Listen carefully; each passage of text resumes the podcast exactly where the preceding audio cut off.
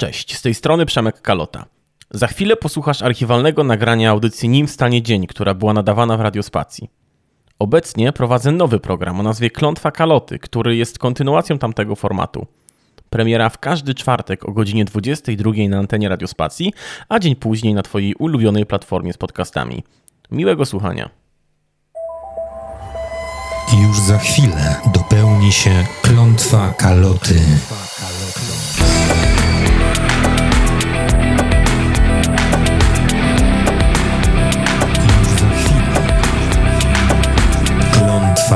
Kaloty. Dobry wieczór wszystkim. Przy mikrofonie Przemysław Kalota. Zapraszam na kolejne wydanie audycji Nim stanie dzień w Radiospacji. A moim gościem jest dzisiaj Tomek Kopyra i porozmawiamy o piwie. Cześć Tomku. Cześć, tutaj Tomek Kopyra z blogu blogkopyra.com. Witam wszystkich słuchaczy Radiospacji. E, Bardzo się cieszę, że zgodziłeś się przyjść do tego programu, że mimo napiętego grafiku udało nam się w końcu spotkać.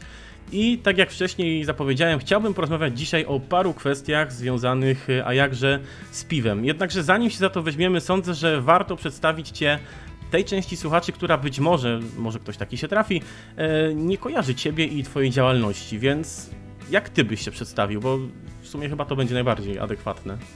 O, wiesz, to jest, to, to, to nie jest wcale, wcale takie proste pytanie, bo ja cały czas się nad tym zastanawiam. Kiedyś bym powiedział po prostu, że jestem e, miłośnikiem piwa, tak? Amatorem piwa. E, Amator w tym znaczeniu takim e, miłośnik. E, e, No cóż, e, od 2004 roku zacząłem się interesować piwem em, najpierw na potrzeby jakby mm, konsumpcji i później domowego piwowarstwa. E, Z każdym kolejnym rokiem e, coraz bardziej się w temat wkręcałem, także gdzieś w 2010 roku em, założyłem e, blog pisany najpierw i w 2010 roku byłem członkiem, założycielem Polskiego Stowarzyszenia Piwowarów Domowych i tak się e, złożyło, że zostałem wybrany wiceprezesem pierwszej kadencji. E, na- w kolejnym roku zrobiłem uprawnienia sędziowskie, właśnie certyfikat sędziego e, konkursów e, PIW właśnie PSPD. E, Mniej więcej w tym samym czasie e, zacząłem, zapisałem się na kurs, e, właściwie na egzamin sędziowski BJCP, czyli Beer Judge Certification Program. To jest taka organizacja non-profit ze Stanów, która jest największą organizacją certyfikującą sędziów piwnych. E, I to, to było e, takie bardzo z wyprzedzeniem, dlatego że tam te terminy były niesamowicie odległe, także chyba dwa lata dopiero, czy półtora roku po, po zapisaniu, to ten egzamin się w ogóle odbył. On się odbywał w Bristolu. W międzyczasie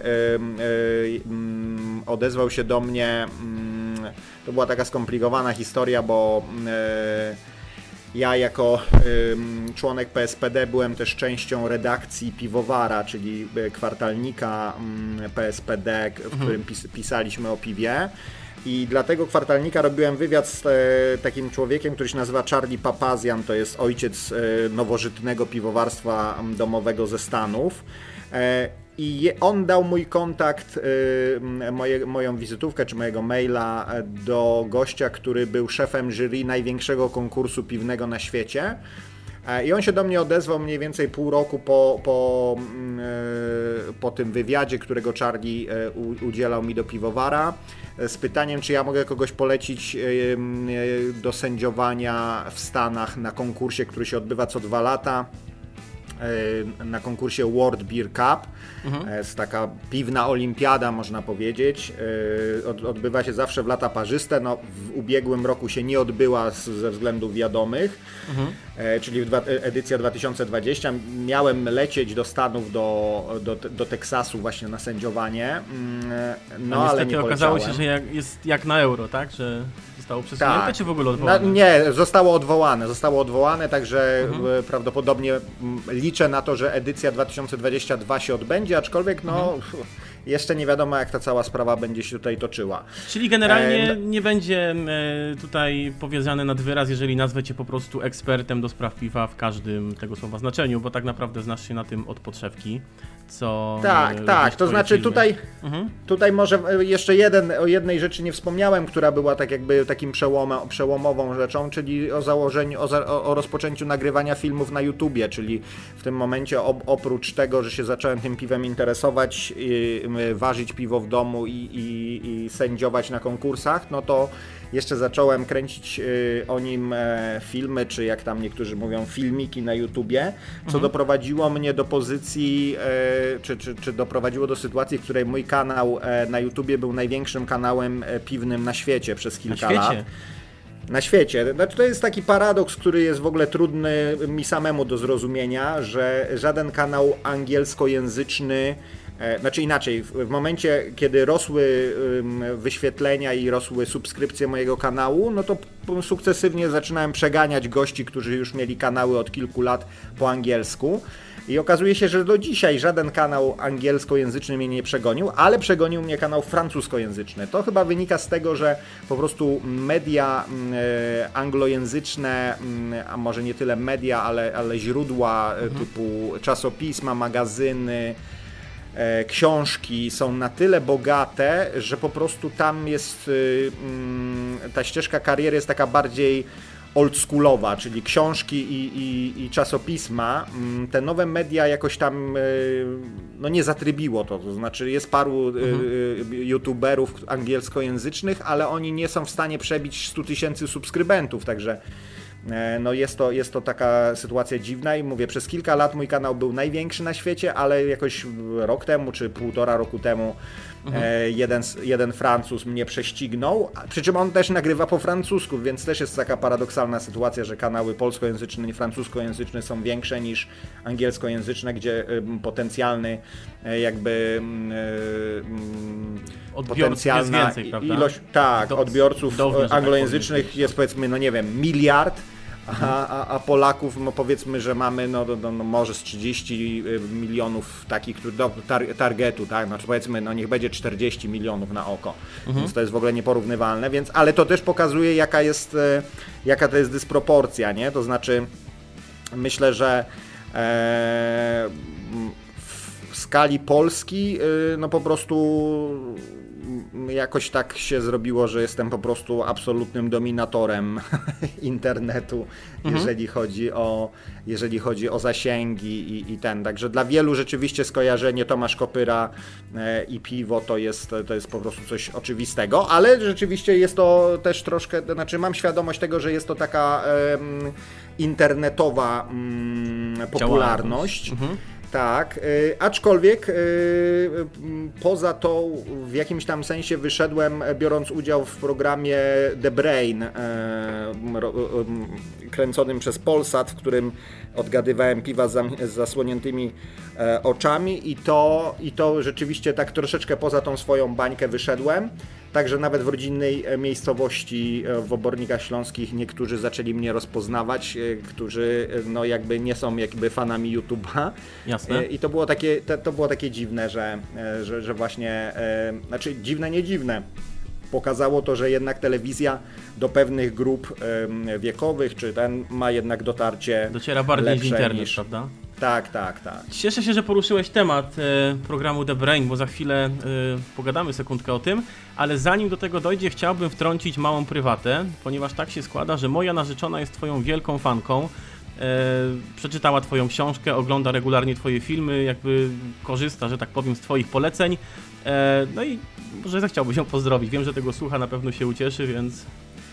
e, No, z miłą chęcią pozdrawiam, zwłaszcza, że e, kobiet jest jednak zdecydowana mniejszość wśród, wśród moich widzów i, i, i słuchaczy czy czytelników. E, Źródła YouTube'a pokazują, że to jest około 5%. em, więc tutaj mam bardzo mocno zmaskulinizowane e, od, grono odbiorców, więc e, tym, tym, z tym większą radością tutaj pozdrawiam e, moją serdecznie. Darię. Mhm.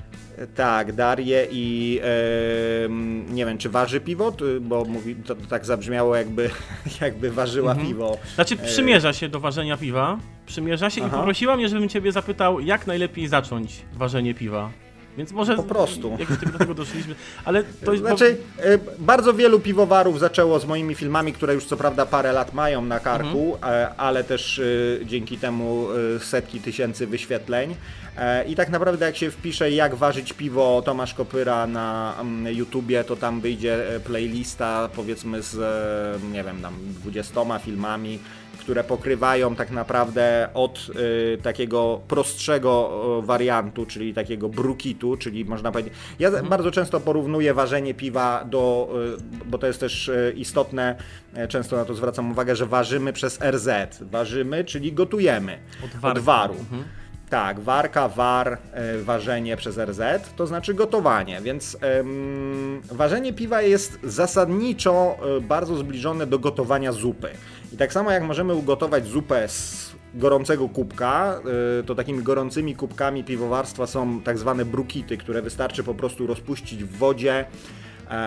Niektórzy rozpuszczają w gorącej, niektórzy ci bardziej e, mający nutkę ryzykanta w chłodnej, bo wiadomo, że go- gorąca woda nam to w jakiś tam sensie sterylizuje. E, zadaje się drożdże, e, czeka się powiedzmy około dwa tygodnie, butelkuje się i ma się piwo. Piwo, w którego, na którego smak mamy dużo mniejszy wpływ niż e, robiąc to z e, jakby, jakby surowców bazowych, tak? E, tak jak zupę możemy zrobić z proszku, tak samo możemy zupę zrobić, prawda, tam z jakiejś tam warzyw, kości, że tak powiem. z warzyw, tak, z najlepszych składników. No to jest akurat w piwowarstwie fascynujące, że nie jesteśmy ograniczeni mm, e, nie jesteśmy ograniczeni naszą geografią. No, w winiarstwie jest inaczej, znaczy pewne e, rodzaje winorośli, chociaż ten klimat się zmienia, więc to też jest e, jakby sprawa otwarta, ale e, pewne rodzaje winorośli po prostu w Polsce no ich nie ma i, i tego nie przeskoczymy. Natomiast surowce e, piwowarskie, e, mam tutaj na myśli oczywiście słód, chmiel, drożdże, e, chociaż nie zapominajmy o wodzie, e, możemy e, mieć takie, jakie są gdziekolwiek na świecie produkowane. Tak naprawdę nie jest niczym niezwykłym dla polskiego browaru rzemieślniczego czy dla polskiego piwowara domowego, żeby ważyć piwo na amerykańskich, nowozelandzkich, australijskich chmielach, żeby używać e, niemieckiego, belgijskiego, ale też polskiego e, słodu, tak samo polski chmiel. Nie jest problemem używanie szczepów drożdży norweskich, y, belgijskich, angielskich, które są typowe dla e, piwowarstwa, które z tamtych rejonów się wywodzi. To wszystko możemy zamówić przez internet, więc e, jest to. e, Jesteśmy w takiej super sytuacji, nawet może chyba. Gdzie może globalizacja zbli- jest po naszej stronie i pomaga Tak. nam w tworzeniu tego piwa, prawda? Zdecydowanie, zdecydowanie. To jest trochę tak jak z wszelkiej maści teraz z popularnymi kwestiami kulinarnymi, czyli bardzo często, przynajmniej moje doświadczenia są takie, że mm, jak jakiś ciekawy przepis kulinarny widzę, no to aha, ale gdzie ja to kupię? Natomiast e, w- jeżeli chodzi o piwowarstwo, nie ma absolutnie żadnego problemu z kupnem e, no, tych wszystkich surowców, które są potrzebne e, i, i, i tak naprawdę polscy piwowarzy mają dostęp do surowców z całego świata.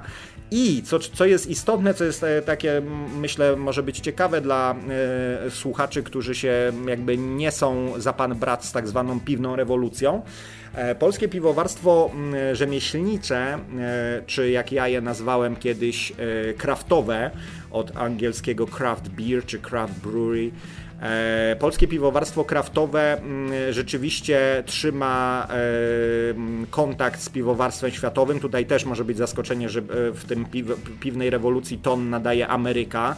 E, Kraj, który kiedyś się kojarzył e, z piwem, jak to w e, sketchu Monty Pythona było, e, niczym seks w kajaku, czyli e, fucking close to water. E, Dzisiaj Ameryka tak naprawdę jest e, wiodącym rynkiem z największą liczbą browarów. Co prawda nie wiem, czy ta liczba najprawdopodobniej e, po latach ciągłego wzrostu od tak naprawdę od 100 browarów mniej więcej 40 lat temu do 8 tysięcy browarów. Prawdopodobnie ten em, pandemia jednak tę liczbę troszkę przetrzebi, ale mam, mam nadzieję, że jednak ten rynek jakoś się tam odbuduje.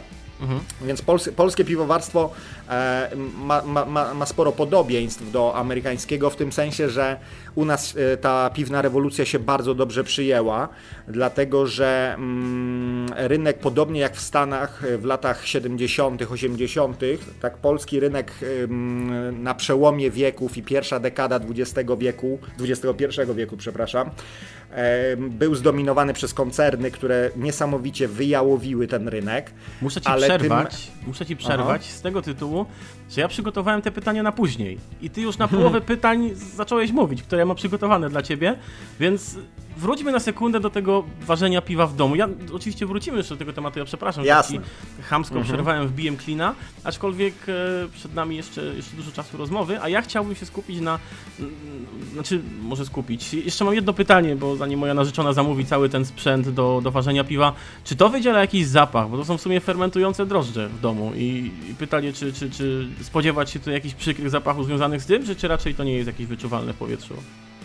Y to jest wyczuwalne, najbardziej jest wyczuwalne w tym pierwszym dniu, e, mhm. w którym się gotuje, czyli waży. No i to jest porównywalny zapach do mm, porównywalny z powiedzmy z pieczeniem ciasta. No i ten zapach mamy przez jakieś tam 7 godzin, tak jak tyle trwa mniej więcej e, mhm. przygotowanie brzeczki piwnej. No i później e, fermentujące piwo w zależności od szczepu drożdży, jaki tam e, występuje, może, znaczy wydziela jakiś tam aromat. Pytanie, najlepiej jest w ogóle, żeby to fermentujące piwo było w miejscu takim spokojnym, ciemnym, i w, w, temperaturze, jaka jest przewidziana dla danego szczepu drożdży, no bo tutaj jest... E, Czyli tak piwnica jest mamy... ok.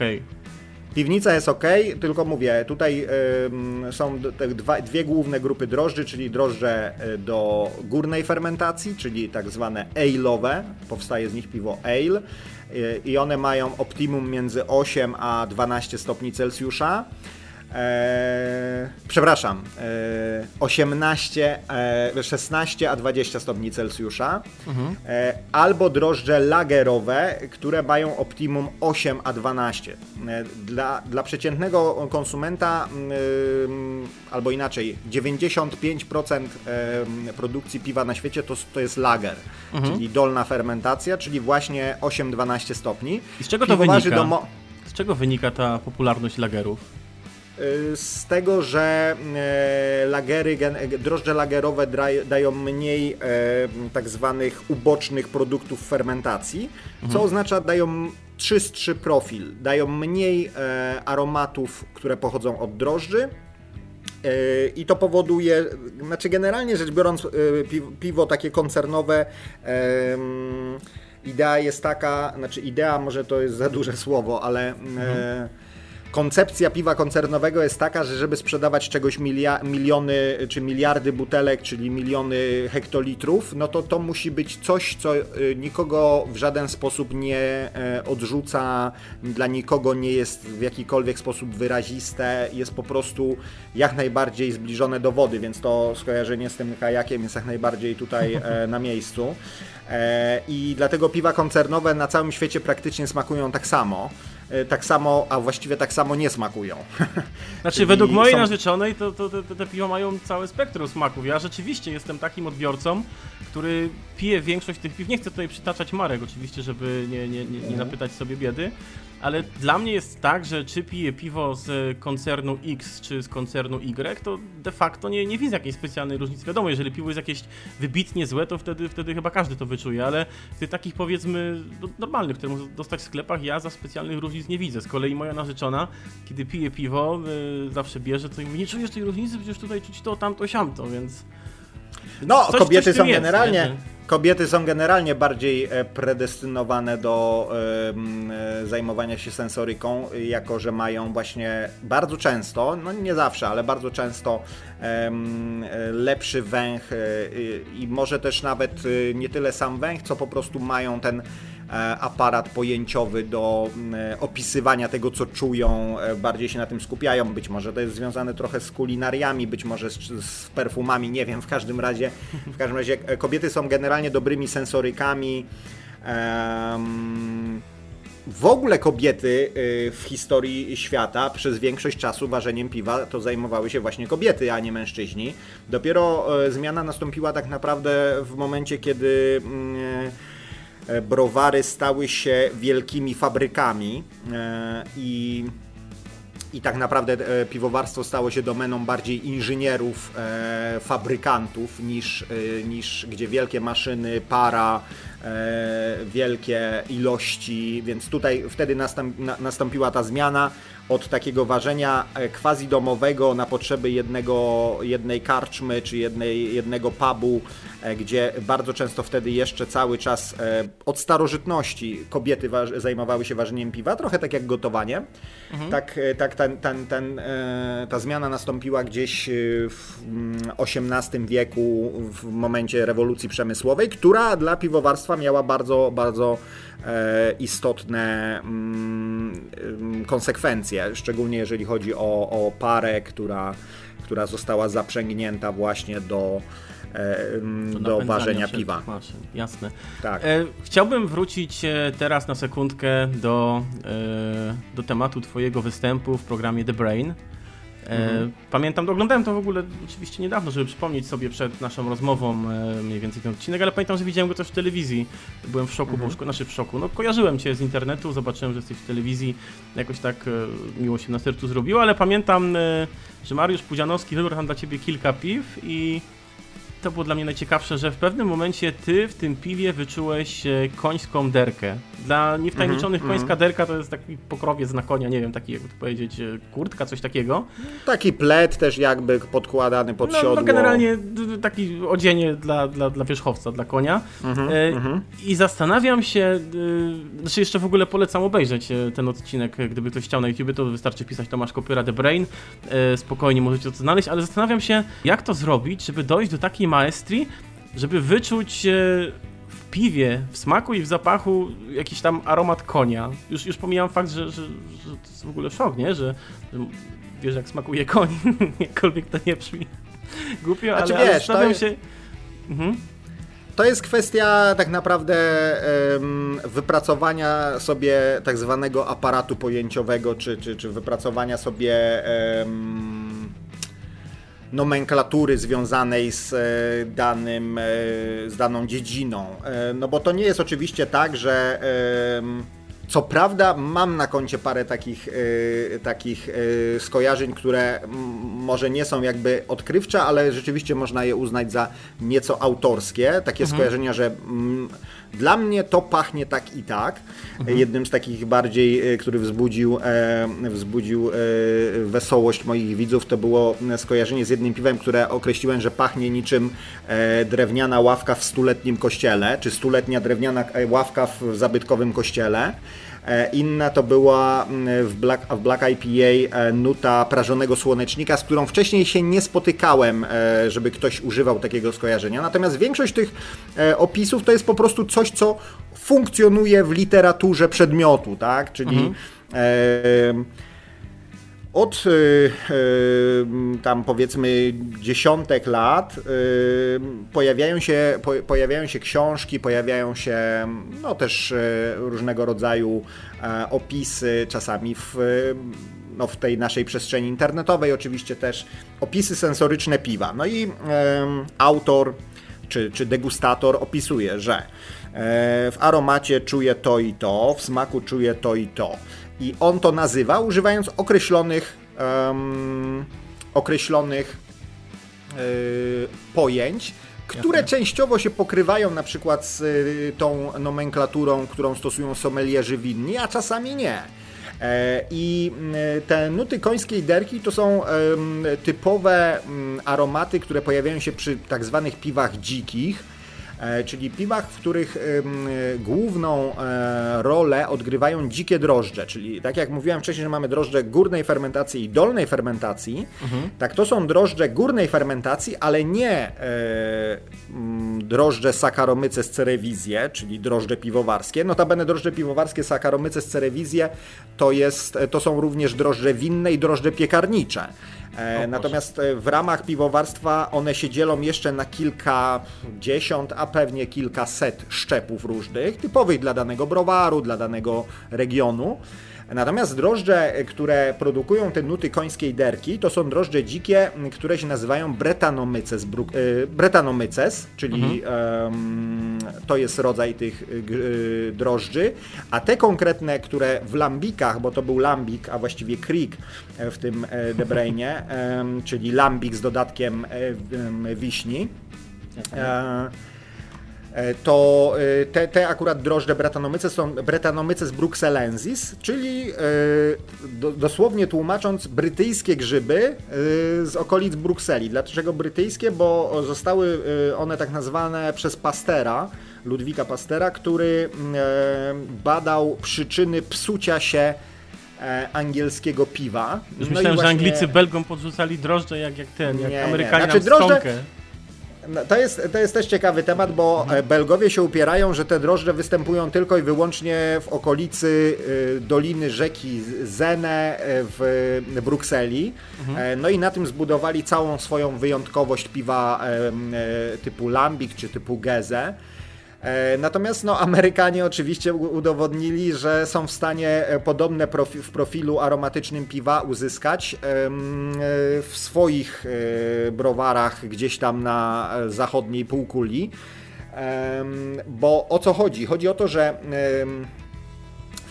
jeżeli piwowar domowy czy browar rzemieślniczy waży piwo mm, e, górnej czy dolnej fermentacji, to on po prostu dodaje czystą kulturę e, drożdży, czasem mhm. bakterii, ale to już takie specyficzne przypadki, czystą kulturę drożdży, którą namnaża i tak jakby zaszczepia brzeczkę piwną szlachetnym, wy, wyizolowanym, wy, o konkretnych parametrach szczepem drożdży. Natomiast... I ty teraz mówisz o drożdżach tych, że tak powiem, udomowionych, nie dzikich, tak? Tak, tak, a te że dzikie się łapie się z powietrza. Tak? Tak, te dzikie się łapie z powietrza. To znaczy, to jest tak, proszę, że po prostu. Bo, bo brzmi to ciekawie. Łapanie powie... drożdży z powietrza tak. do piwa. Bo, bo, mi się kojarzą tak. drożdże. Znaczy, powiedziałeś, to są te same co w piekarnictwie. Ja swego czasu miałem coś tam wspólnego z piekarnictwem. No to po prostu drożdże się sprzedawało jako surowiec. Wsypywało się te drożdże do, do, do prawda, tam e, dzieży, gdzie, gdzie się wyrabiało chleb i działa się magia, prawda? A jak to wygląda w przypadku dzikich drożdży? I jak w ogóle się to łapie? Się jakoś wystawia kadzie na zewnątrz i czeka się aż te drożdże to zasiedlą, czy... E, odwrotnie, to znaczy... E, odwrotnie. E, wpuszcza się powietrze z zewnątrz do browaru, tak żeby one zaszczepiły. To znaczy tak. Oficjalnie to wygląda w ten sposób i ten cały proces wygląda w ten sposób, że mm, brzeczkę e, piwną po e, zakończeniu procesu e, zacierania, gotowania wylewa się na taką dużą tacę chłodniczą. Ta taca chłodnicza nazywa się Coolship mhm. E, z niderlandzkiego. E, no też to przeszło do mm, angielskiego. E, w Polsce też czasami piwowarzy mówią o Coolshipie. Więc jest to taka płytka, powiedzmy, no nie wiem, 10 o, o, o głębokości 15, może 20 cm taca, najczęściej miedziana, mhm. e, która jest zlokalizowana najczęściej na poddaszu browaru. I to wygląda tak, że e, tę brzeczkę wylewa się tam na koniec dnia ważenia, e, otwiera się m, mm, takie jakby uchylne rolety w e, oknach, czy w ścianach właściwie, bo to nie są okna, i przez noc wpada tam sobie powietrze, w którym unoszą się E, właśnie te zarodniki drożdży, czy Ale to, unoszą się drożdże. I to wynika które... z tego, że te drożdże są jakby tylko w pewnych miejscach, one się unoszą, czy, czy wszędzie na świecie po prostu w powietrzu latają drożdże? Znaczy, e, generalnie rzecz biorąc, wszędzie w powietrzu latają drożdże.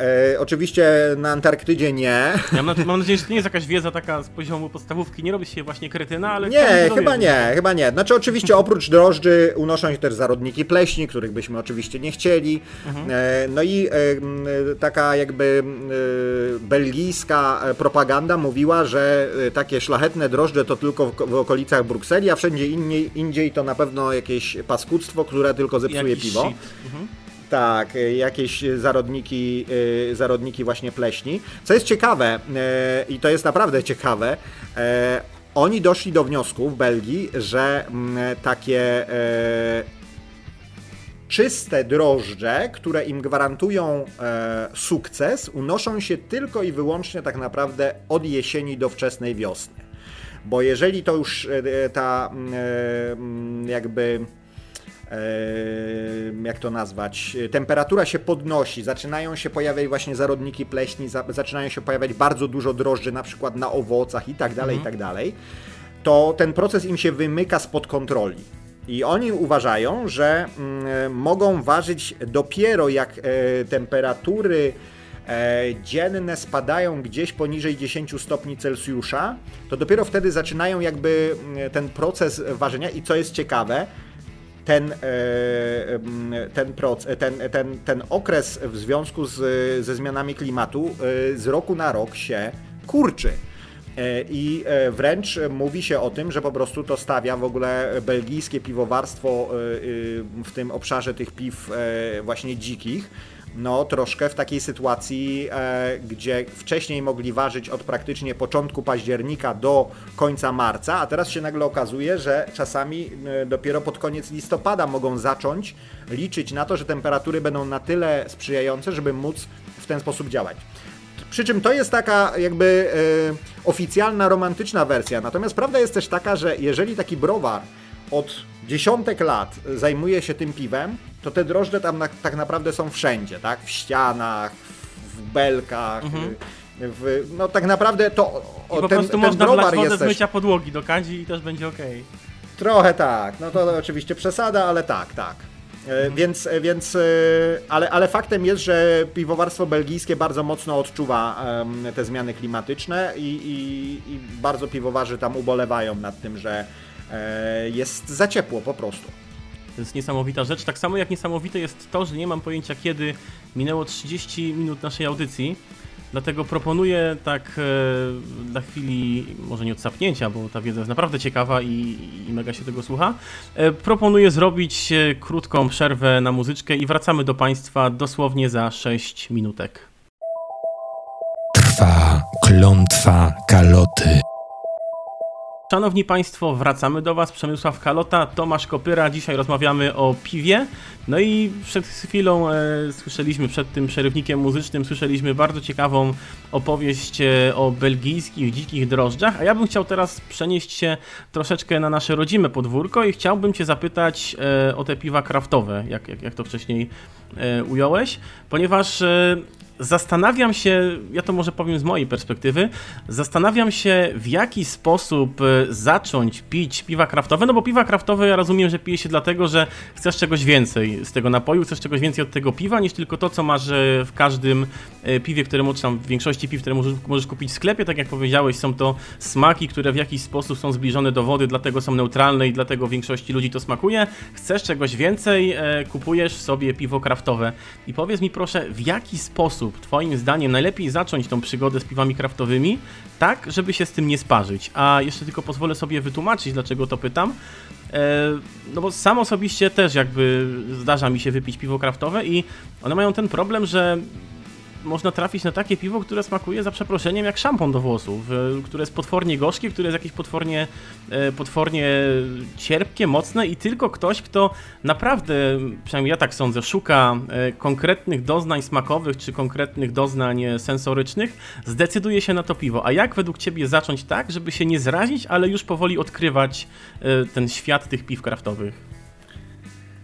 To jest e, ciekawe pytanie, na które ja do końca nie, nie znam odpowiedzi. Dlaczego? Dlatego, że mm, kiedyś oczywistą e, drogą dla wszystkich praktycznie, tak powiedzmy e, do 2000 powiedzmy 15 roku była tylko jedna droga. To znaczy, mhm. najpierw zaczynałeś pić piwo koncernowe, Później e, czułeś, że ono jest właśnie e, wodniste, bezsmakowe, puste i, i, takie w ogóle.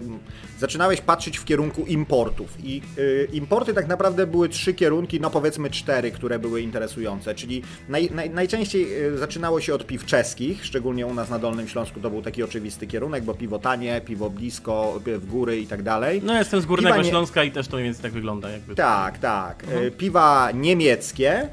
E, I jak już e, trafiłeś gdzieś do, jakiś, e, do jakiegoś marketu delikatesów, to bardzo często spotykałeś się z piwami belgijskimi i angielskimi. czyli właśnie tą górną fermentacją. Tutaj po drodze jeszcze, prawda, niemieckie piwa to oczywiście piwa pszeniczne typu Weizen, czyli mętne, drożdżowe, o nutach bananów i goździków. I e, u mnie zawsze, e, to, i, i, jakby dla wszystkich ludzi, e, którzy wchodzili w kraft, którzy się urodzili w XX wieku, to była oczywista ścieżka, czyli najpierw lagery, później piwa pszeniczne, piwa ciemne, piwa belgijskie, piwa angielskie, może portery bałtyckie, polskie, które kiedyś były rzadkością, dzisiaj jest już ich, ich pełno. I dopiero później właśnie jakieś IPA, czyli to jest skrót od India Pale Ale, czyli takie właśnie bardziej goryczkowe. Teraz to wszystko stoi trochę na, może nie na głowie, ale wszystko jest inaczej.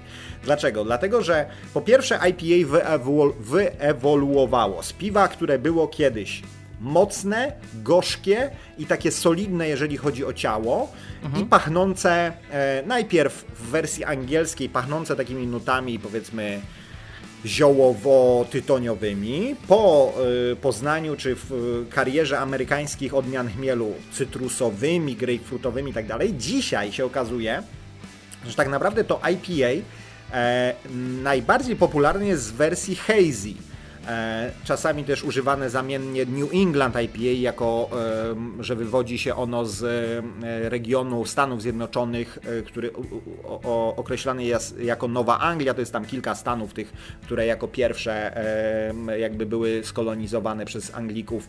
Tam Vermont, Massachusetts chyba, no jeszcze kilka Delaware. Pięć stanów tworzy tak zwaną Nową Anglię. Stąd się wziął styl New England IPA. I to jest piwo, które po pierwsze nie jest e, tak, e, nie ma takiego wielkiego ciała jak IPA, takie, które e, było, wywodziło się z tego angielskiego IPA. Ono z kolei, żeby je jakby jakoś u, u, u uzmysłowić, to nazwa, znaczy usystematyzować, to nazwano je East Coast IPA, czyli IPA z wschodniego wybrzeża, mhm. oczywiście w domyśle Stanów Zjednoczonych. Wschodniego wybrzeża Stanów Zjednoczonych. East Coast IPA. I takim East Coast IPA, które w Polsce no, jest piwem kultowym, jest y, atak chmielu y, z browaru Pinta. To było piwo, które było pierwszym e, e, IPA e, w Polsce, butelkowanym na Czy Można powiedzieć, że chmielu. Pinta właśnie rozpoczęła tą rewolucję? Tak, ja zresztą e, w sierpniu 2011 roku napisałem taki wpis. E, to piwo miało premierę w maju i napisałem, że e, tak naprawdę polska scena piwowarska będzie się dzieliła na to, co było przed atakiem chmielu i to, co nastąpiło później. I to mhm. się okazały w 100% prorocze słowa, bo tak właśnie się stało. To znaczy, e, polskie piwowarstwo przed atakiem chmielu, czyli przed majem 2011 roku to było coś kompletnie innego niż to, co mamy dzisiaj. I to w dużej mierze e, jest e, może, może inaczej, to nie jest zasługą Pinty, natomiast na pewno Pinta była tutaj tym, e, tymi pionierami, chociaż tak naprawdę powstawały piwa górnej fermentacji przed Pintą, powstawały browary kontraktowe przed Pintą, ale nie potrafiły tego, no, no po prostu nie, nie, nie, chwyciło wtedy jeszcze, nie? Był mhm. taki browar Stary Kraków, e, kontraktowy, który ważył ale, ale nie na amerykańskich chmielach. I, I dopiero w przypadku Pinty tam wszystko zagrało, a to zagrało z kilku powodów, dlatego że e, jeden z współzałożycieli, czyli Ziemek Fałat, był jednocześnie też, jest nadal współwłaścicielem, współzałożycielem takiego największego sklepu dla piwowarów e, domowych, więc on mhm. miał dostęp do wszystkich surowców. E, czyli miał dostęp do amerykańskich odmian chmielu, do różnych odmian E, słodu, drożdży i do tego wszystkiego on jeszcze miał know-how, bo był piwowarem domowym. E, zresztą e, razem ze mną był współzałożycielem Polskiego Stowarzyszenia Piwowarów Domowych i razem ze mną był wiceprezesem tego, tego PSPD.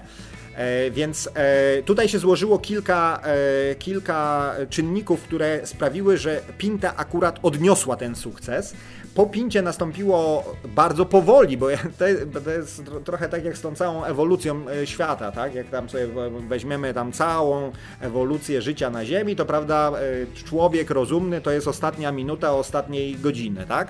Więc podobnie Ostatnia jest... sekunda, z tego co pamiętam. Tak, jest tak, Kosmos tak, Space tak. Time Odyssey, nie? Tam mówił to tak, Neil deGrasse tak. Tyson chyba była ostatnia sekunda, jakoś tak, to jest bardzo krótki No czas. możliwe, możliwe, możliwe, że, że po prostu przez większość czasu, więc przez te 10 lat piwnej rewolucji, bo to znowu te 10 lat piwnej rewolucji jest właśnie od tego, od tej premiery Ataku Chmielu. To przez pierwszy rok się prawie nic nie działo, to znaczy tylko Pinta była i wypuszczała jakieś tam piwa. E, Dopiero rok później pojawiły się pierwsze, e, pierwsi naśladowcy jako browar kontraktowy, pojawiły się pierwsze browary e, z własnym sprzętem. Sama Pinta zaczynała się rozwijać w sensie takim, że ważyła najpierw w jednym browarze, czyli w browar, bo oni byli browarem kontraktowym, to też warto e, powiedzieć, czyli Browar browarem, kontraktowy który... to jest taki, który dla innych browarów e, na Właśnie, podstawie e, ich receptur piwo leje, czy, czy dobrze to rozumiem? Teoretycznie, teoretycznie e, bardziej prawdziwe jest to, co powiedziałeś, że to jest browar, który udostępnia innym swoje, ale w Polsce się przyjęło, że browar kontraktowy to jest ten, który waży w innym browarze, czyli jest takim browarem koncepcyjnym, można powiedzieć, nie? czyli kontraktuje moce produkcyjne w jakimś innym browarze. E, więc Pinta najpierw ważyła w browarze na Jurze w Zawierciu, później e, równolegle ważyła w browarze Zarzecze e, w Zarzeczu okolicach Żywca, tak. I koniec końców, ja już nie wiem, teraz chyba 3 lata temu. Oni chyba postawili otworzyła- w Wieprzu swoją siedzibę, prawda? Tak, Dobrze, tak. to jest ten browar? Wieprz? Radziechowy, tak, Mhm. tak, tak. Pos- Postawili tam browar e, już fizyczny z własną warzelnią. I, i, i, nawet już, no i, teraz już nikt nie może powiedzieć, że nie, jest, nie są browarem, bo y, czasami puryści mówią, nie no dobrze, no to jest jakiś tam projekt, ale to nie jest browar. Browar musi mieć budynek, musi mieć warzelnię, jak nie ma warzelni, nie ma, no nie jest browar żaden. Więc, e, Więc Pinta jest browarem, prosi, prosimy nas nie pozywać, droga Pinto. Nie, no, no, no tutaj myślę, że myślę, że w samych superlatywach możemy o Pincie mówić, e, więc raczej nie sądzę, żeby tutaj e, były jakieś e, pody. Więc wracając. Wracając, jeżeli ktoś chciałby zacząć, no właśnie, bo chciałem tutaj sprowadzić Tak. rozmowę znowu do Więc e, paradoksalnie dzisiaj e, można wcale nie przechodzić tej e, drogi, prawda, przez mękę w postaci. Ta, znaczy to, to akurat może nie jest tak źle, ale przez koncerniaki. To znaczy nie trzeba tych koncerniaków pić. I to jest e, sytuacja, która e, tak naprawdę wśród e, takich weteranów z jednej strony e, rodzi e, pewnego rodzaju e, takie ten kurcze, ale to fajnie mają, a z drugiej sobie myślisz, no tak, ale jak zaczniesz od tych wyrazistych i właśnie tych na przykład hazy IPA, które buchają chmielem, które są e, dosyć łatwe, e, więc nie musisz e, jakby stopniować, nie, ta droga nie musi być długa, zanim dojdziesz do tego wyższego poziomu wtajemniczenia, no to właśnie tracisz tę drogę, tak? To znaczy w tym momencie, jak już poznasz te piwa typu Hazy IPA, typu Russian Imp- Imperial Stout, czyli taki bardzo mocny, gęsty, ciemne, czekoladowe piwo, czy e, e, Russian Imperial Stout tak naprawdę wye- wyewoluował do pastry stoutów, czyli e, stoutów, które mają często jakiś dodatek czy to jakiegoś składnika kojarzącego się z cukiernictwem, czy wprost aromatów cukierniczych, które jest też znowu bardzo łatwe w odbiorze. To jest po prostu piwo smakujące jak czekolada z wanilią, z orzechami i jakimiś takimi rzeczami.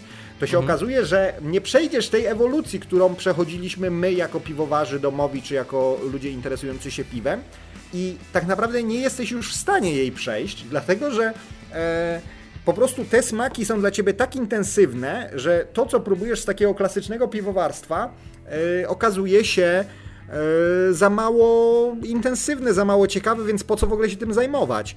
E, ja sam jestem e, autorem takiego określenia jak nudna Belgia, gdzie mm, nazywam tak piwa, e, ale właśnie nie te fermentacji spontanicznej, ale powiedzmy takie em, jasne, e, Nudne bursztynowe. Tak, takie, które no rzeczywiście y, można, y, można y, w ramach jakby mm, poznawania historii piwowarstwa się na nich y, mm, skupić. To są też na przykład piwa klasztorne, które kiedyś no, były rarytasem zresztą przez y, y, wiele lat.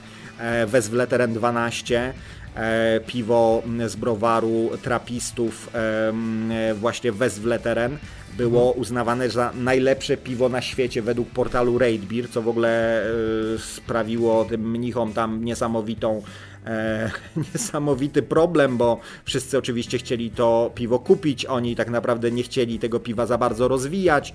E, denerwowało ich to, że ktoś e, ich niepokoi e, pytaniami o to piwo, o jakiś import, e, dziki import w ogóle powstawał tego piwa, ceny szybowały.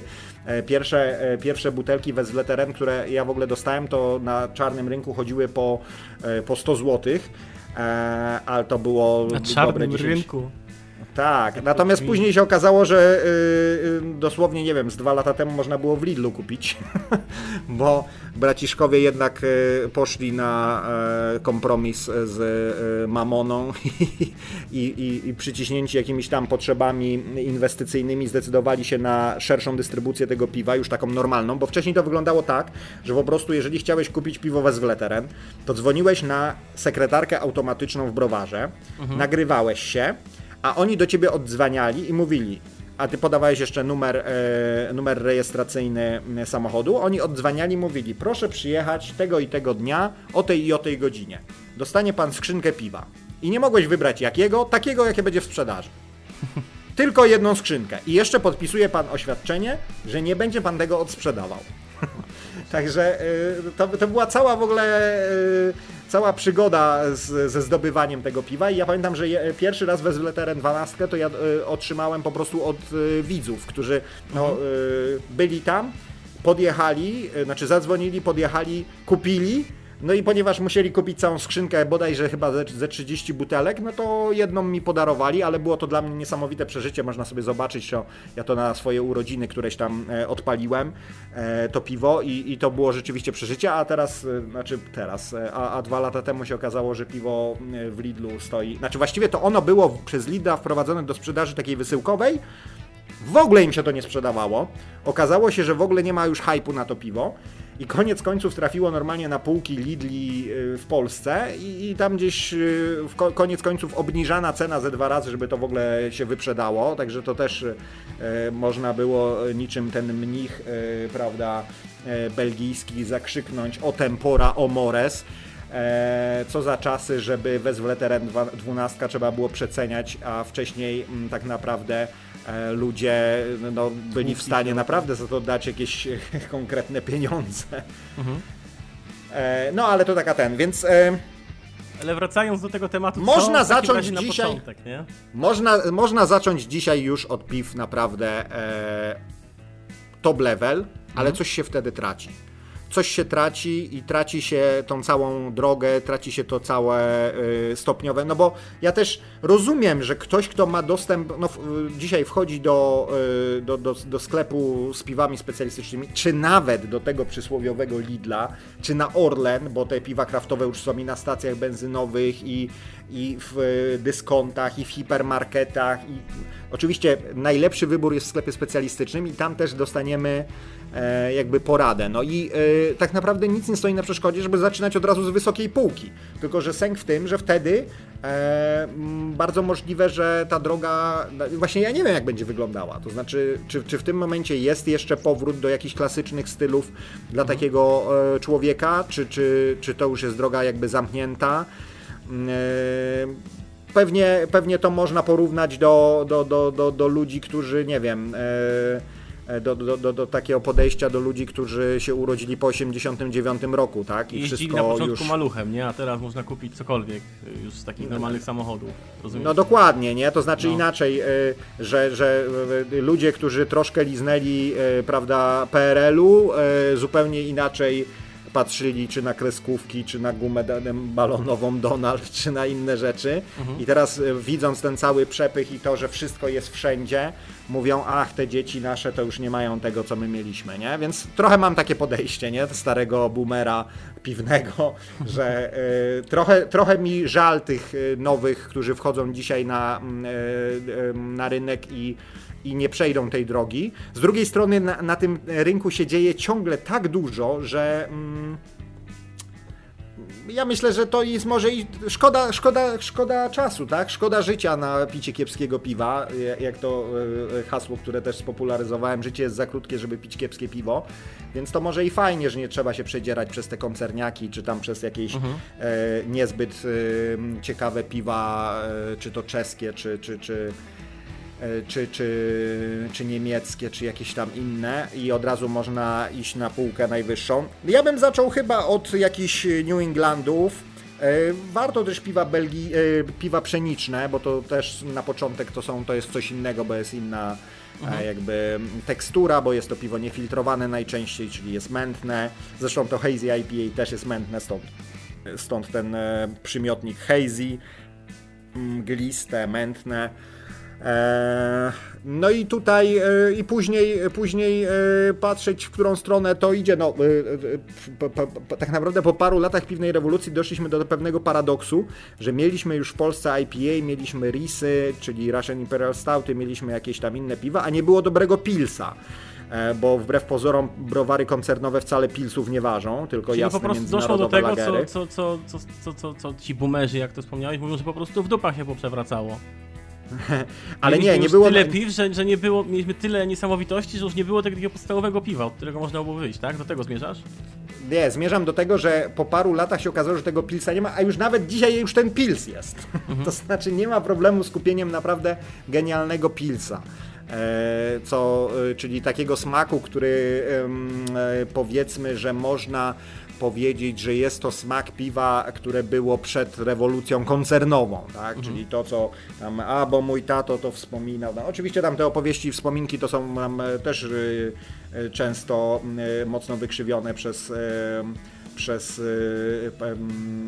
pamięć i, i, i, to jak to było i, i to jak, jak niczego nie było, no to piwo tak typu e, jakiś tam lager e, czy, czy, czy pils z browaru powiedzmy w latach 80. czy 70.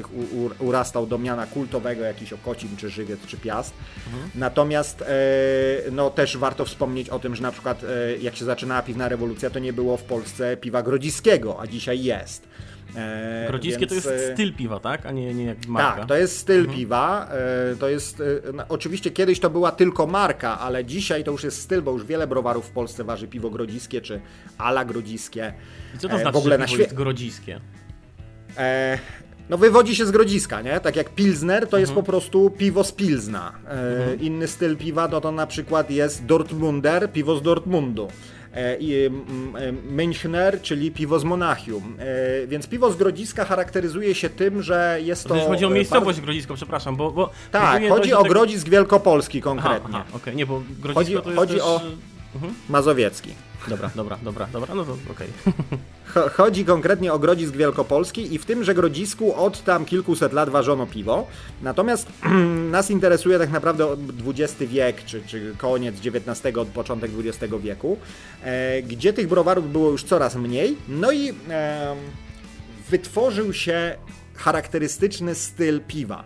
I piwo grodziskie, e, które jest takim właściwie najbardziej znanym, bo jeszcze powiedzmy 5 lat temu powiedziałbym jedynym polskim stylem, ale dzisiaj już y, tych y, prac y, takich historycznych nad tym, żeby przy, wyszukać jakieś polskie style piwa jest więcej, więc e, powiedzmy, że najbardziej znanym polskim stylem piwa jest grodziskie.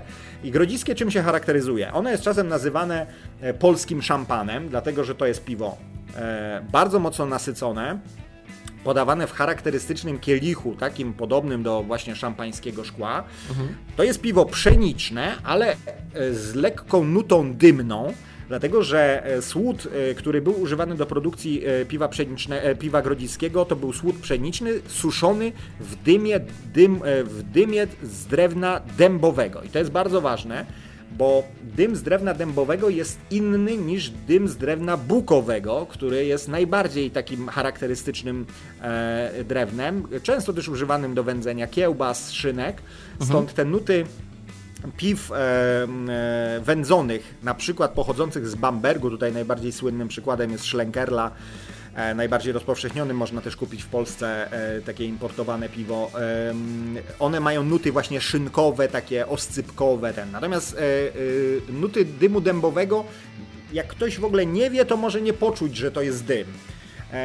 Więc ono jest lekko dymne, jest orzeźwiające, wysoko nasycone i bardzo niskoalkoholowe. Ono ma około 3-4% alkoholu, dlatego że jest to piwo bardzo, bardzo lekkie. E, no i e, w momencie, kiedy piwna rewolucja startowała, tak naprawdę rok przed e, uważeniem ataku chmielu, założyciele Pinty, czyli Ziemek Fałat i Grzesiek Zwierzyna, uważyli właśnie grodziskie w browarze restauracyjnym w Lublinie. E, notabene, żeby było śmiesznie, to e, piwo było grodziskie, albo zostało uważone w browarze Grodzka 15, więc nawet nazwa browaru troszkę nawiązywała do tego. Oni mhm. tego uważyli zaledwie 2000 butelek, 0,33 i yy, ponieważ udało im się to sprzedać, to stwierdzili, że to znak, że chyba mogą pójść szerzej. No i to było powodem, żeby otworzyć Pintę. I Pinta, yy, jednym z trzech pierwszych piw też było piwo ala grodziskie, które wypuścili. I Pinta zresztą cały czas powtarza to ala grodziskie, chociaż trzeba też przyznać, że niestety grodziskie nie ma lekko w Polsce. Yy, wiele browarów uważa, że trzeba to piwo ważyć, bo jest to nasze dziedzictwo. Natomiast yy, są tacy, prawda, profani, którzy określają to piwo mianem wody po parówkach i, i, szydzą z niego, e, ale to, to, to myślę, że jest tak bardziej ironicznie e, uznawane, ale fakt faktem, że nie jest to piwo, które bije rekordy popularności. Natomiast na takie upały jak obecnie to jest to rzeczywiście coś fajnego, bo nie zamula, orzeźwia, e, ale fakt faktem, sam powiem po sobie, jednak wolę Hazy Ipkę niż Grodzisza. Szanowni Państwo, za chwilkę wrócimy do tematu e, związanego z piwną rewolucją i ogólnie do mojej rozmowy e, z Tomaszem Kopyrą. Tymczasem chwilowa przerwa na muzykę. Słyszymy się za kilka minut. Trwa klątwa kaloty. Szanowni Państwo, wracamy do Was. Przemysław Kalota, Tomasz Kopyra, audycja Nim Stanie Dzień. Rozmawiamy dzisiaj o piwie. Jeżeli ktoś doszedł do nas dopiero teraz, chyba dołączył do nas, to brzmi lepiej, doszedł, to nie brzmi za dobrze, chociaż rozmowa jest ciekawa, ale bez przesady. E, chodzi mi o to, że jeżeli ktoś do nas teraz dołączył e, i przegapił e, godzinę audycji, która jest już za nami, to zapraszam do, na, na stronę Mixcloud, gdzie wkrótce będzie wrzucony podcast z tej audycji wraz ze skromną dzisiejszą playlistą muzyczną, no bo mając takiego gościa, tak naprawdę aż, aż grzechem jest przerywać rozmowę, żeby puszczać muzykę, z tym, że tutaj też wszystko się musi Państwu ułożyć musicie do, no wiecie o co mi chodzi, nie każcie mi tutaj się e, teraz silić. Rozmawialiśmy wcześniej o tym, w jaki sposób w Polsce zaczęła się piwna rewolucja. Doszliśmy do tego, że tym prowodyrem e, był browar Pinta, który wypuścił piwo pod tytułem Atak Chmielu.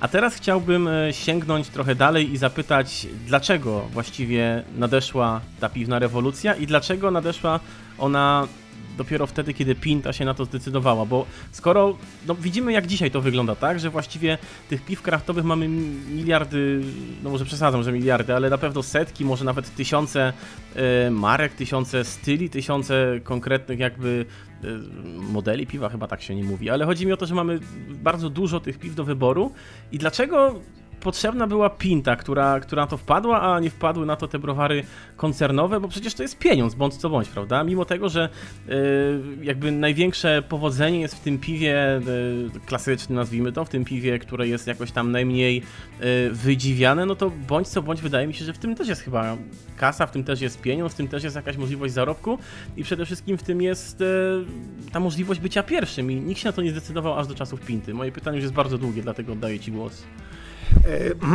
E, wiem o co ci chodzi. To znaczy, mnie też zastanawiało, bo jak powiedziałem, ja się zacząłem interesować piwem w 2004, e, a piwna rewolucja wybuchła w 2011, więc my też żeśmy zachodzili w głowę, dlaczego w e, tych polskich czy to browarach koncernowych, czy regionalnych, nikt nie wpadnie na to, żeby zacząć ważyć coś innego, zwłaszcza, że już wówczas w krajach ościennych coś się działo, to znaczy inaczej.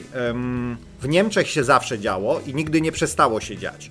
W Czechach się nigdy nie przestało dziać, ale nawet takie kraje jak Litwa, Ukraina, na przykład zaczęły się tam pojawiać piwa pszeniczne, które tak naprawdę tam wyginęły, y, podobnie jak w Polsce, bo w ogóle e, jak sięgniemy, prawda, do y, pierwszych wzmianek o piwie, no to y, Jan Długosz pisze, że Polska słynęła z piwa pszenicznego. E, tutaj może taka, taka dygresja, dlaczego, czym się różni piwo pszeniczne od jęczmiennego, bo 90, znowu 95% piwa na rynku to jest wysoko odfermentowany jasny lager, który powstaje ze słodu jęczmiennego. Natomiast e, i to ma też historyczne e, jakby przyczyny. Tam w 1516 roku uchwalono tak zwane e, bawarskie prawo czystości Reinheitsgebot, które mówiło o tym, że piwo ma powstawać z jęczmienia i z chmielu. E, I to e, chodziło o to, żeby nie powstawało z pszenicy, bo pszenica jest potrzebna na mąkę i wtedy ceny chleba szły do góry, e, bo wiadomo, że tutaj siła przebicia branży piwowarskiej czy, czy, czy przemysłu piwowarskiego jest silniejsza niż piekarniczego, a to nie było wskazane pod kątem utrzymania spokoju, więc zakazano w Bawarii, a potem to się też przeniosło na inne kraje, jakby mm, ta tradycja piwowarska, bo w ogóle bardzo dużo piwowarskiej tradycji na świecie to są Niemcy, bo nawet czeska tradycja piwowarska to są tradycje niemieckie. No ale, e, więc e, piwo pszeniczne nie było takim oczywistym e, wcale wyborem i w, w powiedzmy w pierwsza dekada XX wie, XXI wieku w Polsce. Poza jasnym lagerem, nie ma e, i kilkoma porterami bałtyckimi, które zostały, nie ma praktycznie nic. Jeszcze może z kilka, dosłownie na palcach jednej ręki do policzenia piw ciemnych, ciemnych lagerów. Nie ma piw górnej fermentacji, zero, kompletne zero. Nie ma piw pszenicznych. E, tymczasem na Litwie, e, na Ukrainie są już piwa pszeniczne.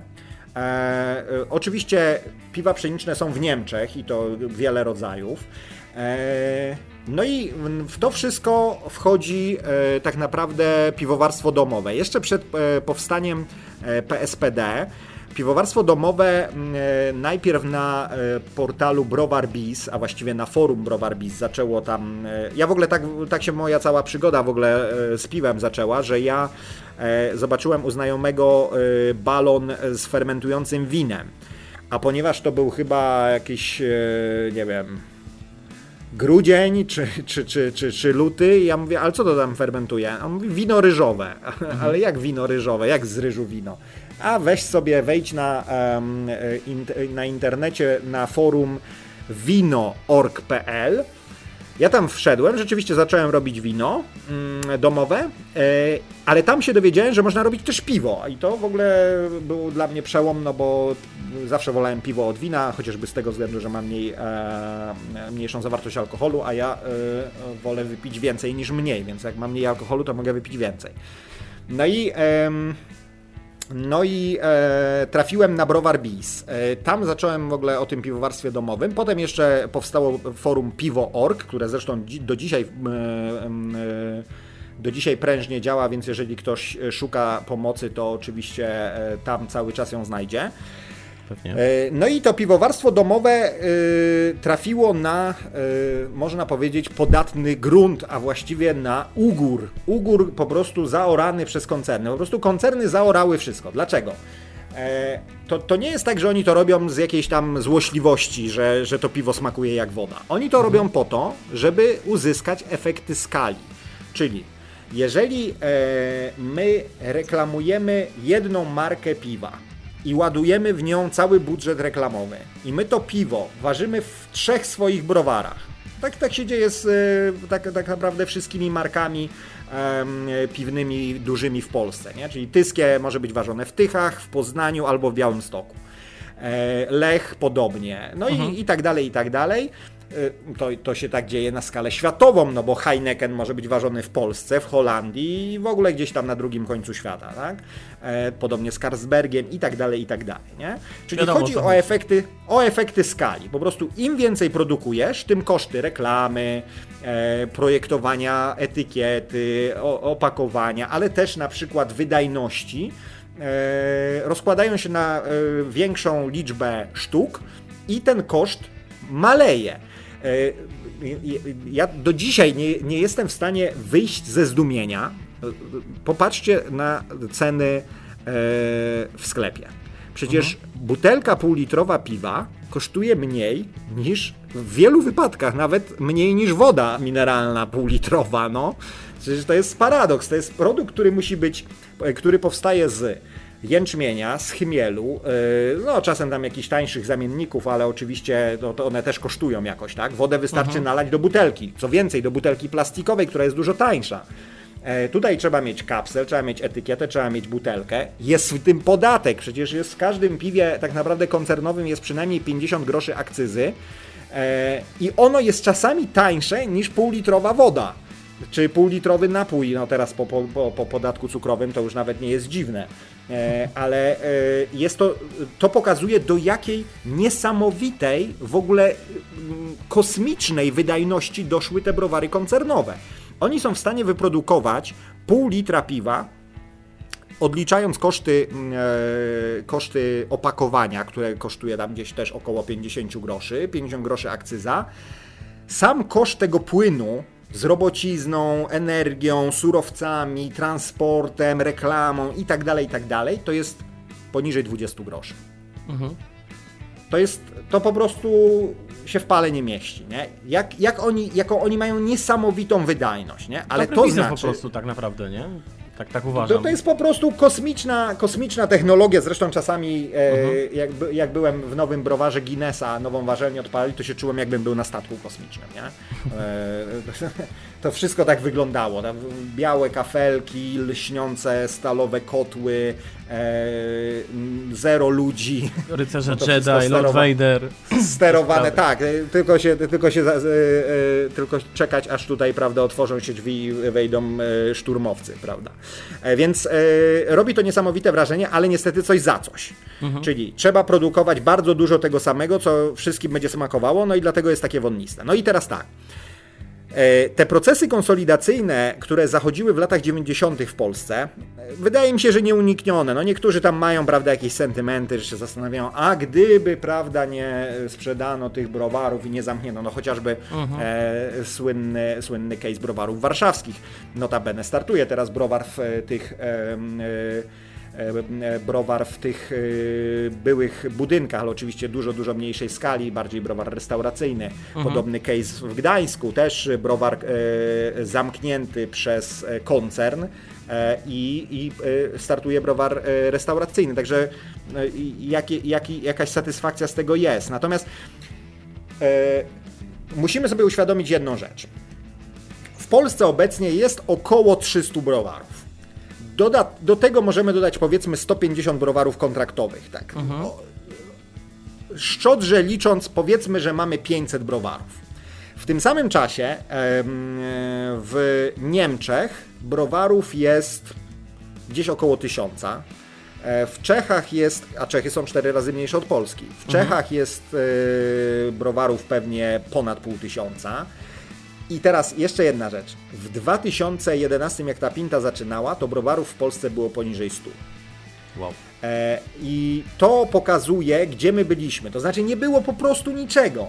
E, Mówiłeś tutaj o tysiącach e, piw, i być może, że wielu z widzów sobie pomyśli, a gościu tam rzuca jakieś liczby w ogóle z, z, na pałę, nie? W 2019 roku samych nowych piw na rynku było ponad 2000. Nowych, Ale piw w sensie... nowych y, osobnej, osobnego piwa o osobnym smaku, Mhm. o osobnym tym.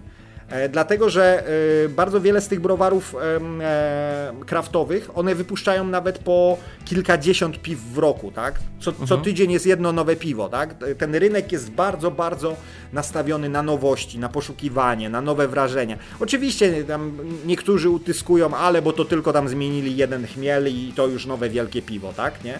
Ale ale, ale faktem jest, że teraz niektóre browary e, wypuszczają nawet więcej niż 52 piwa rocznie, czyli więcej niż jedno, e, jedno e, tygodniowo. W tamtym czasie, jak wychodziło piwo, to tych premier może mieliśmy rocznie, ja nie wiem, z 20, 30, teraz mamy 2000. Więc to jest w ogóle nieporównywalne. Ale Ponieważ w Polsce e, przez, e, no można powiedzieć, na pewno XX, na pewno XIX, może i XVIII wiek kultura piwna podupadła na rzecz kultury wódczanej. My żeśmy troszkę tam e, zaczęli ciążyć no, na skutek zaborów, komunizmu i tak dalej w stronę Rosji, która bardziej była tą kulturą wódczaną. Natomiast w Niemczech czy w Czechach tam się nic nie zmieniło. Tam były browary, oni pili dużo piwa, no tutaj też bardzo, bardzo taka idąca do głowy e, e, statystyka. E, w 1989 roku e, w Niemczech, zarówno wschodnich, jak i zachodnich, oni konsumowali ponad 100 litrów, gdzieś około 150-130 litrów piwa na głowę. E, w Czechosłowacji trochę mniej, dlatego że Słowacy im zaniżali, także po aksamitnej rewolucji Czesi wystrzelili na pierwsze miejsce, jeżeli chodzi o konsumpcję piwa na głowę na świecie e, i przegonili Niemców. E, natomiast oni mieli ponad 100 litrów, czyli 130-150 litrów na głowę, nie? Polska w tym czasie miała 30 litrów na głowę. Dzisiaj ponieważ w Niemczech zmiany demograficzne e, sprawiają, że społeczeństwo się starzeje, e, też piwo nie jest za bardzo sexy w Niemczech. To znaczy piwo się kojarzy ze starymi ludźmi i młodzież tam za bardzo, tak nie, nie, nie za bardzo piwo, to spożycie piwa w Niemczech spadło do 104 litrów na głowę. Czesi nadal są pierwsi, ale już nie mają 130, bo tam oczywiście też się troszeczkę społeczeństwo starzeje, ale mają te 120 litrów. Austria ma 104, podobnie jak Niemcy. I na czwartym miejscu, czy trzecim, zależnie jak tam liczyć, yy, wchodzi Polska. Mhm. Z prawie 100 litrami na głowę. I to, yy, trzeba powiedzieć, jest zasługa koncernów. Koncerny po prostu nauczyły Polaków pić piwo. Częściowo zamiast wódki. E, tutaj e, ostatnio nagrywałem taki film o tym, jak to e, przemysł spirytusowy próbuje ronić krokodyle łzy, jak to źle, że Polacy piją piwo, a nie wódkę, a przecież e, tam są preferencje podatkowe. No oczywiście są preferencje podatkowe i to bardzo dobrze, że Polacy piją większość alkoholu w postaci piwa, a nie w postaci wódki. E, ale e, tutaj przemysł spirytusowy oczywiście jest odmiennego zdania. Oni by chcieli, żeby akcyza była zrównana. W każdym razie, zmiany podatkowe, e, promocja piwa jako trunku, który nie służy do upijania się, ale służy do na przykład wypicia go do meczu, do, prawda, na dyskotece i tak dalej, i tak dalej, sprawiły, że Polacy rzeczywiście pokochali piwo. To zresztą nie jest takie tylko i wyłącznie jakieś nasze doświadczenie, bo tak samo było w, na Litwie, w Rumunii, w, w Rosji. Mhm. Był, był jeden taki rok, gdzie rzeczywiście piwo w Rosji przegoniło wódkę, ale zaraz potem, notabene inspirowane przez Żyrinowskiego, e, zmiany podatkowe sprawiły, że że wódka, wódka wróciła na swoje pierwsze miejsce, ale, ale był jeden, jeden jedyny rok gdzieś tam w, XXI wieku był taki, że na, na pierwszej dekadzie, że rzeczywiście piwo przegoniło.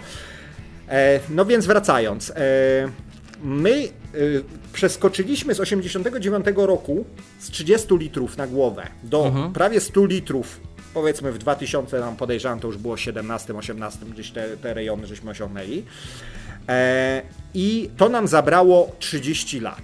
Mhm. E, to sprawiło, że my nie mieliśmy silnej kultury piwnej. To znaczy, my nie mieliśmy silnych, jako Polacy, e, przekonań co do piwa. My nie mhm. wiedzieliśmy, jakie piwo, jak piwo smakuje. I to sprawiło, że mm, w Polsce piwna rewolucja się super udała, dlatego że rynek był wyjałowiony, a po drugie Polacy nie mieli takich silnych przekonań, że piwo to jest, dajmy na to, pils. Mhm. I jak I nie może być żadne pachnie... inne, prawda? Nie może być tak, piwo tak, smakowe, tak. nie może być owocowe, nie i kropka. No bo na przykład dla Niemca oczywiście piwo to nie jest tylko pils, ale mhm. jednak to jest na powiedzmy pięć y, rodzajów, tak? Piwo to może być pils, piwo to może być Weizen, piwo to może być powiedzmy koźlak, czyli bok, piwo to może być jakiś tam Schwarzbier, ale żeby piwo jakimiś grapefruitami pachniało, żeby tam jakieś spokój. owoce do... To, to, kto to widział, panie, nie? I y, tam dodatkowo jeszcze to Reinheitsgebot, które wspomniałem z 1516 roku, ono już nie obowiązuje, ale obowiązuje jednak ustawa o czystości piwa, niemieckie, nie, niemiecka czysta, e, ustawa o czystości piwa, mhm. która mówi, że na przykład do piwa nie możesz tak sobie dodawać, co sobie chcesz. E, są wyjątki, że na przykład do piw górnej fermentacji to jeszcze ewentualnie można ale do piw dolnej fermentacji? No nie, bo jeżeli dodasz coś, co nie jest słodem lub chmielem, to to już nie możesz nazwać tego piwem. A jak nie możesz nazwać tego piwem, to nie zapłacisz podatku jak od piwa, tylko od jakiegoś innego napoju. Mhm. Kumam, czyli po prostu, no, no rozumiem o co chodzi. Ale Tymczasem w Polsce nikogo nie dziwiło, że nagle zaczynamy do piwa dodawać, nie wiem, śliwkę wędzoną. Wielki sukces e, piwa, e, piwa e, Imperium Prunum z browaru Cormoran. Dodali wędzonej śliwki do porteru bałtyckiego, właściwie imperialnego. I no i kabum, nie? Zupełnie nowa jakość i, i, i coś, coś niesamowitego, nie? W Niemczech by to po prostu było niemożliwe. To znaczy byłoby to możliwe, ale po pierwsze e, byłoby to bardzo problematyczne ze względów prawnych, a po drugie ludzie by na to kręcili nosem, bo to nie jest takie jak my jesteśmy przyzwyczajeni do takiego piwa. I, y, I to y, y, sprawiło, że tak naprawdę piwna rewolucja rozwija się najlepiej w krajach, które miały mm, tak naprawdę pustynię piwną. Świetnie piwna rewolucja się rozwinęła w Stanach, świetnie się rozwinęła w Polsce, świetnie się rozwinęła we Włoszech i we Francji. Tak naprawdę jedynym wyjątkiem, gdzie piwna rewolucja się rozwinęła obok silnej kultury piwnej, to jest Wielka Brytania. E, To jest drugi kraj na świecie, który ma e, ponad 2000 browarów. I tam to, że oni mieli silną kulturę piwną, nie zastopowało piwnej rewolucji. Ale już w Belgii, w Niemczech, w Czechach to wszystko idzie dużo, dużo bardziej opornie niż e, w Polsce. No i e, teraz taki paradoks, nie? że e, przed piwną rewolucją praktycznie polskie piwo nie miało żadnych szans, żeby konkurować czy z piwem niemieckim, czy z piwem czeskim. Natomiast dzisiaj w bardzo wielu stylach, a tych stylów piwa mamy blisko czy ponad 100, e, to my ważymy praktycznie wszystko i w e, bardzo dużej liczbie e, tych stylów, które wywodzą się właśnie z piwnej rewolucji ze Stanów, my robimy lepsze piwa niż Czesi czy Niemcy. I sami Czesi czy Niemcy y, to przyznają, tak, że ta piwna rewolucja w Polsce się dużo lepiej udaje, czy udała, czy udaje, niż u nich. E, I y, tutaj możemy powiedzieć rzeczywiście, że jeżeli chodzi o, o piwo kraftowe, to y, Polska jest tak naprawdę liderem w środkowej Europie. I to rozumianej środkowej, w sensie cała wschodnia Europa, cała jakby Niemcy, Austria. e, Tak naprawdę e, od Polski to na pewno ciekawszy rynek jest w Wielkiej Brytanii. E, Pod względem liczby browarów oczywiście e, my nie mamy ciągle dużo, ale pod względem różnorodności to jest naprawdę e, no, niesamowita. Niesamowite to jest i po prostu aż się, aż się nie chce wierzyć, jak, jak się myśli o tym e, tutaj teraz- prze...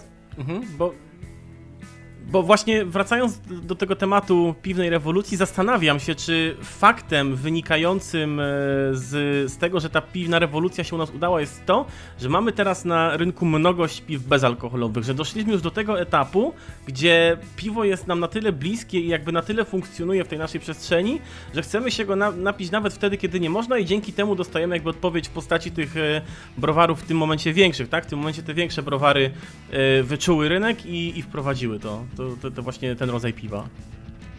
Nie do końca, ale temat piw bezalkoholowych i piwnej rewolucji jest, jest ciekawy. To znaczy tak, nie do końca Po dlaczego? pierwsze, zacznijmy Dlatego, może że... od tego, bo, bo też jakby chcę, żeby to pytanie już padło na początku, żeby później od tego wyprowadzić dalszą część dyskusji.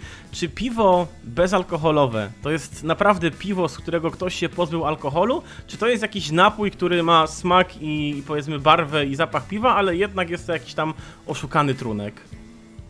Nie, jeżeli y, produkt się nazywa piwo bezalkoholowe, to musi być piwem. To znaczy nie możesz y, sobie na napoju jakimś napisać piwo. To jest, y, co prawda, nie jest to tu- tutaj mm, były poseł pan Marek Jakubiak ubolewa nad tym, ja akurat jestem innego zdania. Nie ma w Polsce co prawda ustawy, która mówi co to jest piwo, ale na poziomie chociażby prawodawstwa unijnego takie e, słowa jak e, e, piwo, wino, wódka, masło, e, mleko, one są, e, one muszą, musi produkt spełniać określone e, parametry, żeby mógł być piwem. Jak z oscypkiem, nie? Nie mo, no, trochę Tak, inaczej, nie? no, bo ale oscypek jest chronioną, e, chronionym miejscem pochodzenia, tak? Ale chodzi No mi dobra, o to, że nie możesz sobie nie, nie możesz sobie wziąć, y, y, zrobić y, orężady i napisać na niej piwo. Mhm. Jeżeli jest napisane piwo bezalkoholowe, to musi w tym e, piwie zajść fermentacja, czyli musi powstać alkohol. I teraz metody powstawania piw bezalkoholowych są dwie. Albo robisz bardzo lekkie piwo i je przefermentowujesz e, w całości e, i następnie ten alkohol odparowujesz w podciśnieniu, czyli mhm. w taki sposób, żeby jak najmniej aromatów um, utracić.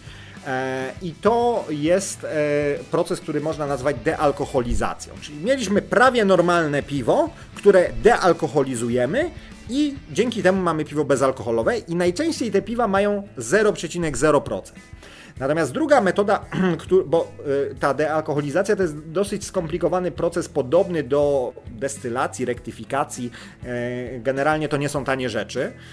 E, natomiast jest prostsza metoda, czyli e, bierzesz specjalne drożdże, które bardzo powoli zaczynają fermentować.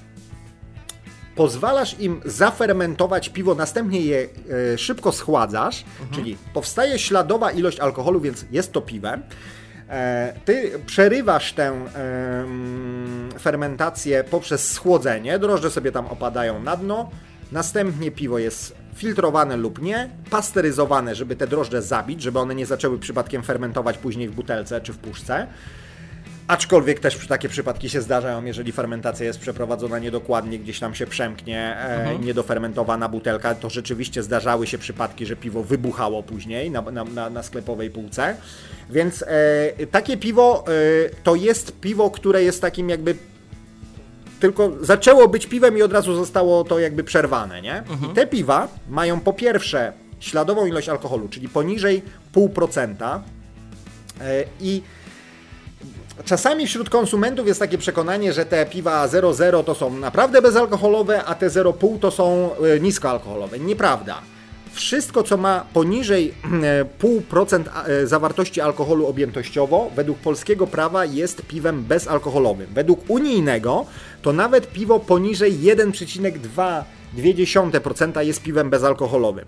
E, z czego to wynika? To wynika z tego, że taka ilość alkoholu mm, no, jest śladowa, więc jakby nie wpływa w żadnym sensie na upośledzenie, czy to możliwości prowadzenia pojazdów, nie powinna wpływać na e, jakieś tam interakcje z lekami, dlatego że jest tego za mało. Mhm. Podobne poziomy alkoholu mm, notujemy w kiszonkach, czyli w kiszonych ogórkach, w kiszonej kapuście, w chlebie żytnim na zakwasie, w jakichś super bardzo dojrzałych prawda, owocach, więc to są poziomy, z którymi jakby na co dzień się stykamy, w kefirze, E, i, I tak naprawdę. Nie da się tym e, nawalić po prostu, tak w skrócie. Tak, nie da się tym nawalić, nie, nie, wpływa to na organizm, albo jesteśmy do tego przyzwyczajeni. W każdym razie piwo poniżej 0,5% e, zawartości alkoholu objętościowo jest piwem bezalkoholowym. I to, Czyli... które ma śladową ilość, i to, z którego tę śladową ilość odparowano.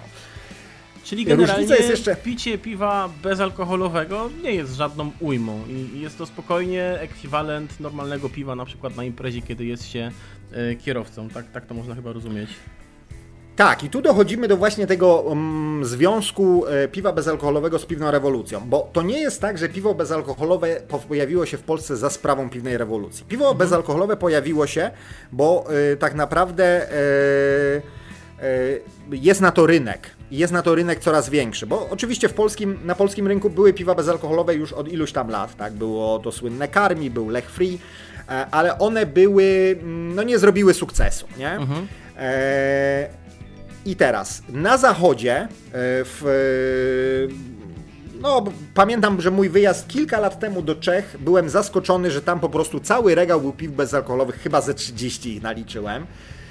W Polsce wówczas było może z 6 e, porównywalnie, e, jakby żeby to porównać. Natomiast okazało się, że e, znowu w ten segment piwa bezalkoholowego w Polsce weszły browary rzemieślnicze, browary regionalne, czego w zasadzie nie było piwnej rewolucji w Stanach. To też y, bardzo ciekawe y, takie niuanse typu dwa rodzaje y, zezwolenia na produkcję alkoholu w niektórych stanach funkcjonowały i browary te było jedno takie napiwa lekkie, jedno napiwa mocne. Mhm. Browary kraftowe brały tylko to piwo na piwo mocne, uznając, że to lekkie to jest tylko dla koncernów. I oni takiego bezsmakowego piwa nie będą robić, a potem się okazywało, że nie są w stanie robić piwa niskoalkoholowego.